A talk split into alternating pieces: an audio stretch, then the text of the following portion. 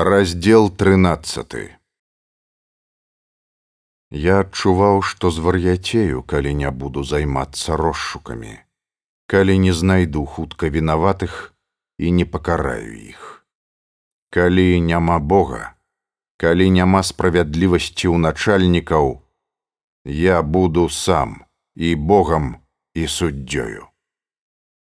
І даль Бог пекла ўздрыганецца, калі яны трапяць мне ў руки жылы буду цягнуць з жывых.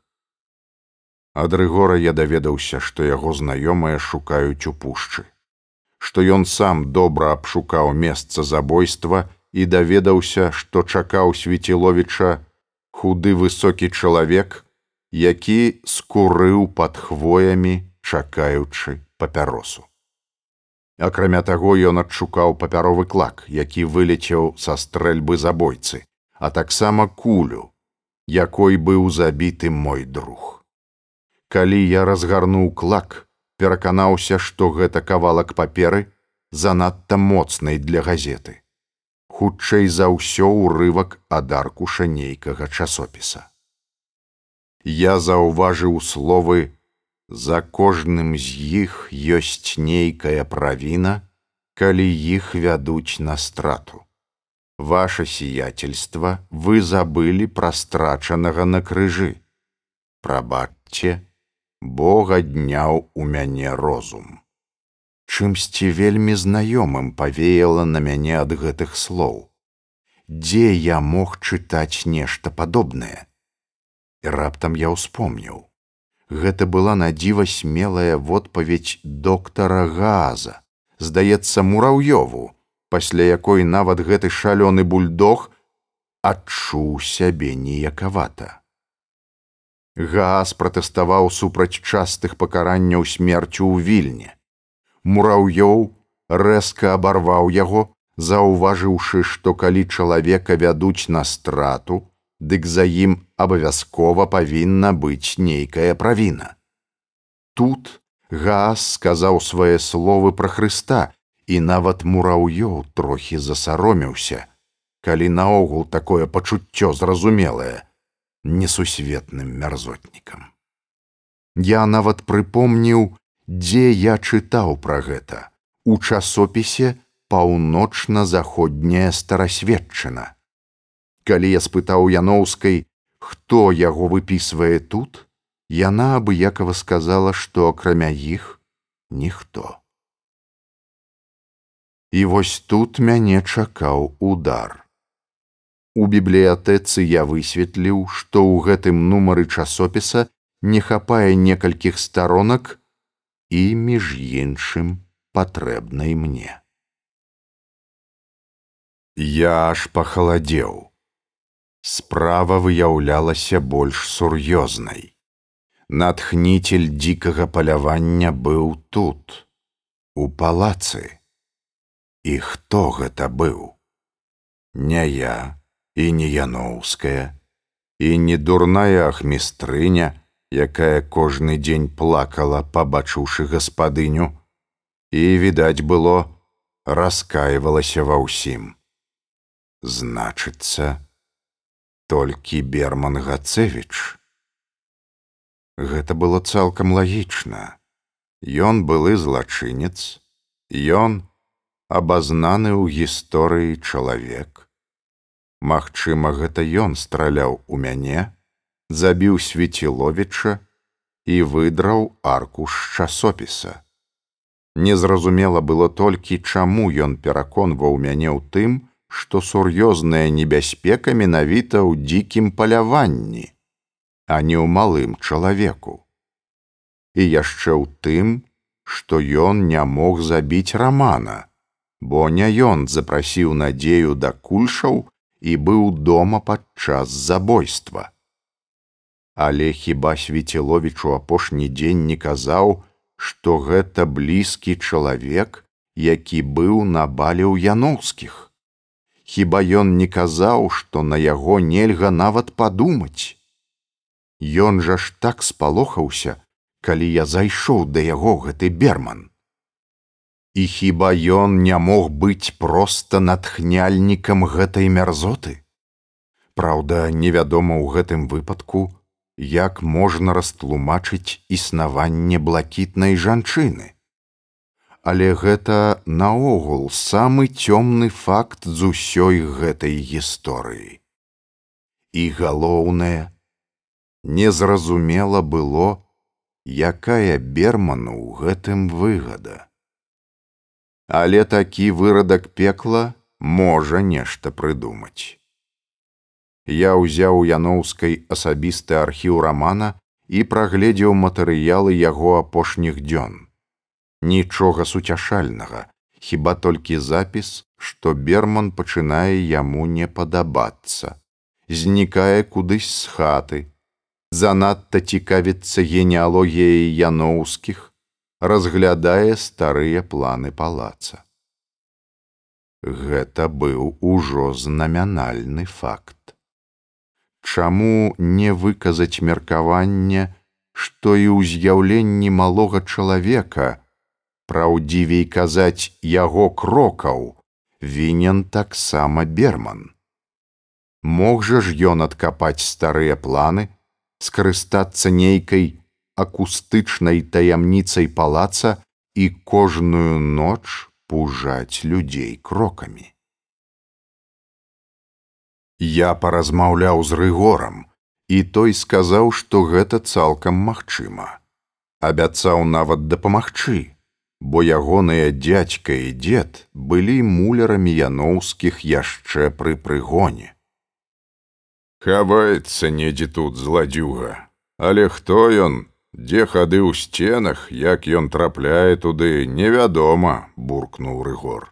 Нічога адшукаем, знойдзем толькі вы вельмі сцеражыцеся толькі і бачыў я на сваім вяку што двух людзяных паноў дык адзін ужо загінуў шкада будзе калі з табою што здарыцца.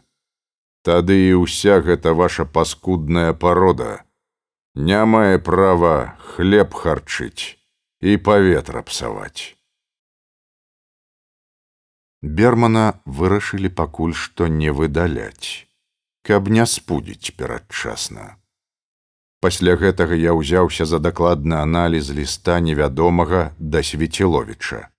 Я перапэцкаў 12 аркушаў паперы, пакуль не аднавіў крыху тэкст ліста.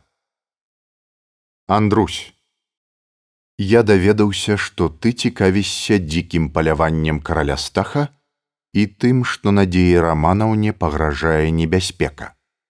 Далей нічога не атрымлівалася. Мая до зноў вялікі пропуск. Пакутавае. Сёння я размаўляў з панам беларэцкім. Ён згодзін са мною і пайшоў у павет. Дрыганты, галоўныя к. Калі атрымаеш ліст, адразу прыходзь да ніны, дзе тры асобныя хвоі. Я і беларэцкі будзем чакаць Ічкіна, што гэта коіцца назя, прыходзь неадменна, ліст спалі, бо мне асабліва небяспеч. Тв. Ся. Над імі таксама жахлівая небяспека, якую можаш папярэдзіць толькі ты зноў выпалена многа Оць твой добразычлівы лікол. Д'ябал ведае што такое. Я амаль нічога не атрымаў ад гэтай расшыфроўкі. Ну пераканаўся што тут было нешта злачыннае. Ну даведаўся яшчэ што невядомы лікол. Что за паганскае імя? Спрытна выкарыстаў нашы адносіны пра якія мог толькі здагадвацца і нічога. Нічога больш. А між тым вялізны шэры камень лёг на магіле чалавека які быў або мог быць. Чалавек гэта тое чым ён будзе а не тое чым ён з'яўляецца зараз. Для маёй краіны чымсьці ў сто разоў большым за мяне. І не сёння дык заўтра такі менавіта камень мог прыціснуць і мяне, куды тады падзенецца надзея раманаўна. Той дзень прынёс яшчэ адну навіну. Прынеслі цыдулку, у якой высакапышнымі словамі і на адменна дрэннай паперы мяне выклікалі ў суд да павятовага мястэчка. Трэба было ехаць. Я дамовіўся з рыгорам наконт каня, перадаў яму свае меркаванні пра ліст, а ён распавёў, што за хатай гарабурды сочаць і нічога падазронага не заўважаюць. Думкі мае зноў звярнуліся да бермана. У гэты спакойны і не па-асенняму ціхі вечар я доўга думаў над тым, што чакае мяне ў павеце і вырашыў ні ў якім разе не затрымлівацца там.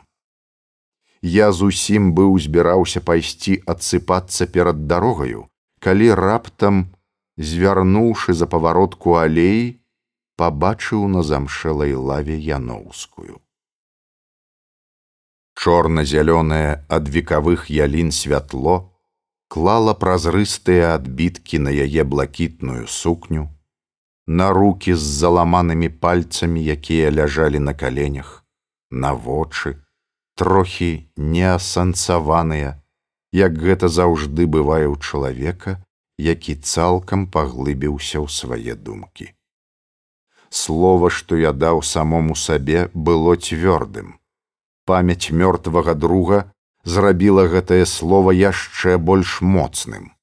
І ўсё ж я некалькі хвілін з нейкім лікуючым захапленнем думаў пра тое, што мог бы абняць гэтую худзенькую постаць, прыціснуць да грудзей да ўсяго сябе і пакутліва білася маё сэрца, бо я ведаў, што ніколі гэта не будзе. Але я выйшаў да яе з-за дрэў амаль спакойны. Вось узняла галаву, пабачыла мяне і якім мілым, цёплым агнём заззялі прамяністыя вочы. Гэта вы, пан беларэцкі, сядайце тут поруч помаўчала і сказала з дзіўным перакананнем я не пытаюся ў вас чаму вы пабілі гэтага чалавека я ведаю калі вы зрабілі гэта значыць іначай нельга было але я вельмі непакоюся за вас вы павінны ведаць суда тут няма гэта кручкі гэта хлусы гэта дрэнныя і наскрозь прадажныя людзі. Яны могуць засудзіць вас. І хоць невялікая правіна шляхціцу пабіць паліцэйскага, яны могуць выслаць вас адсюль. Яны ўсе разам са злачынцамі утвараюць адзіны вялізны саюз. Дарэмна маліць іх аб правасуддзі, не хутка, можа, нават ніколі не пабачыць яго гэты высакародны і няшчасны люд. Нашто вы зрабілі гэта? Я заступіўся за жанчыну Надзея Рамановна. Вы ведаеце, у нас такі звычай. І тут яна так пранікнёна глянула мне ў вочы, што я пахаладзеў адкуль гэты дзіцёнак мог навучыцца чытаць у сэрцах, што надало яму такую сілу. Гэтая жанчына, паверце, магла і пацярпець. Занадта дорага, калі вас вышлюць, заплоціць гэтая жанчына за насалоду, якую вы атрымалі, даўшы па зубах пшутаватаму пошламу дурню. Не непакойцеся, я вярнуся. А гэты час ваш спакой будзе абараняць рыгор. Вочы яе закрыліся панура. Пасля яна сказала: « Ах, нічога вы не зразумелі. Хіба справа ў гэтай небяспецы? Не трэба. Не трэба вам ехаць у павет. Пражывіце тут яшчэ дзень-два і пакіньце яліны назаўжды. Яе рука з уздрыгваючымі пальцамі лягла на мой рукаў. Чуеце, я вас вельмі вельмі прашу. Я быў такі няўважлівы, што сказаў. У канцы гэтага ліста да нябожчыка свецеловіча стаіць подпіс, частка яго лікол. Ці няма ў наваколлі шляхціца, у якога імя або прозвішча пачыналіся б так. Твар яе адразу спахмурнеў, як хмурнее дзень, калі знікае сонца. Не уражаным і дрыжачым, як ад крыўды голасам адказала яна. Хіба што лікаловіч гэты прыдомак да прозвішча нябожчыка кульшы. Ну гэта наўрад ці раўнадушна сказаў я. Я толькі праз гадзіну зразумеў, якой я быў грубай жывёлінай. Гэта здарылася, калі я глянуў на яе і пабачыў, як з-пад далоні, якой яна прыкрыла вочы, выкацілася і папаўзла ўніз цяжкая, нечалавеча самотная сляза, хутчэй знемагаючага ад адчаю мужчыны, чым дзяўчыны на паўдзіцёнка. Я заўжды жаласна губляюся і раблюся, сліняём кісялёвічам ад жаночых і дзіцячых слёз, А гэта сляза была такая, якой крый Божа пабачыць камусьці ў жыцці, ды яшчэ ад жанчыны, для якой бы ахвотна распляскаўся ў блін, каб толькі яна была вясёлай. Надзея романовна что вы замармытаў я і вусны мае мімаволі склаліся ва ўсмешачку прыблізна такога гатунку якая бывае на твары дурня калі ён прысутнічае на пахаванні. Нічога. Амаль спакойна ўжо адказала яна. Просто я ніколі не буду сапраўдным чалавекам.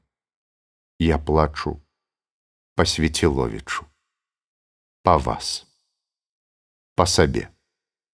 І нават не па ім я плачу а па загубленай яго маладосці. Я добра разумею гэта. Па шчасці якое нам заказана. Па шчырасці якой у нас няма знішчаюць лепшых знішчаюць вартых памятаеце, як казалі колісь. Ні мамы князя, правадыра і прарока, і як лісце мяцемся па грэшнай зямлі. Нельга спадзявацца на лепшае, самотна сэрцу і душы, і ніхто не адкажа ім. І дагарае жыццё. Устала сутаргаватым рухам зламала галінку, якую трымала ў руках. Бывайце, дарагі пан беларэцкі. Можа, мы не пабачымся больш. Да канца жыцця я буду удзячная вам. Вось і ўсё. І канец. І тут мяне на хвіліну прарвала не адчуваючы, што паўтараю словы свецеловіча, я выпаліў: Няхай заб'юць. І мёртвым прыцягнуся сюды. Нічога не адказала, толькі зноў паклала руку мне на рукаў, моўчкі глянула ў вочы, пайшла. Я застаўся адзін.